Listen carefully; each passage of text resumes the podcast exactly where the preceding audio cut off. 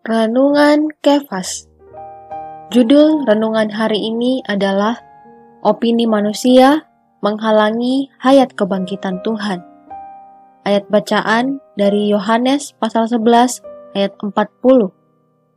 Jawab Yesus, Bukankah sudah kukatakan kepadamu, jikalau engkau percaya, engkau akan melihat kemuliaan Allah? Sobat Kefas, ketika Tuhan Yesus akan masuk ke dalam kita dan menjadi hayat kita supaya kita bangkit, sering kali di atas diri kita terdapat hal yang menghalangi, yaitu opini manusia. Dalam Injil Yohanes pasal 11, kita nampak bahwa yang paling menghalangi Tuhan adalah opini Marta. Opininya yang pertama adalah ketika Lazarus, saudaranya sakit, dia cepat-cepat memberitahu Tuhan Yesus, meminta Tuhan untuk cepat datang. Inilah opini Marta, juga opini manusia. Tetapi ketika Tuhan Yesus mengetahui saudara Marta yang sedang sakit, malah dengan sengaja tinggal lebih lama dua hari, Tuhan Yesus tinggal lebih lama berkebalikan dengan opini Marta.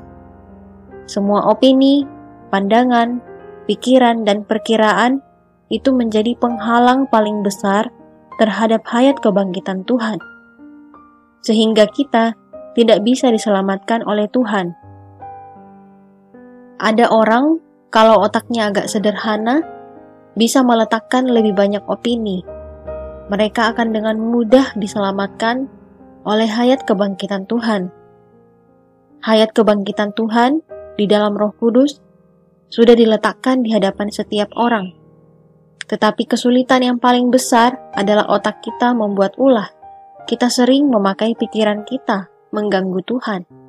Sobat Kefas, jika kamu bisa mengesampingkan opinimu, kuat kuasa hayat kebangkitan Tuhan pasti ternyata di atas dirimu. Mengapa kuat kuasa hayat kebangkitan Tuhan tidak bisa ternyata di atas dirimu? Karena otak kamu yang berulah. Sebab itu, kita harus mengesampingkan opini kita.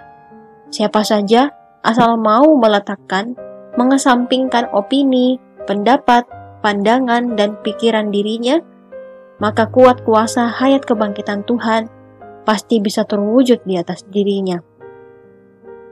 Terang hari ini, apakah kita pernah beropini terlalu banyak menggunakan pikiran kita untuk menerima keselamatan yang dari Tuhan? Poin doa, berdoa agar kita dapat mengesampingkan opini kita, sehingga kuat kuasa hayat kebangkitan Tuhan pasti bisa terwujud di atas diri kita. Amin. Tuhan Yesus memberkati.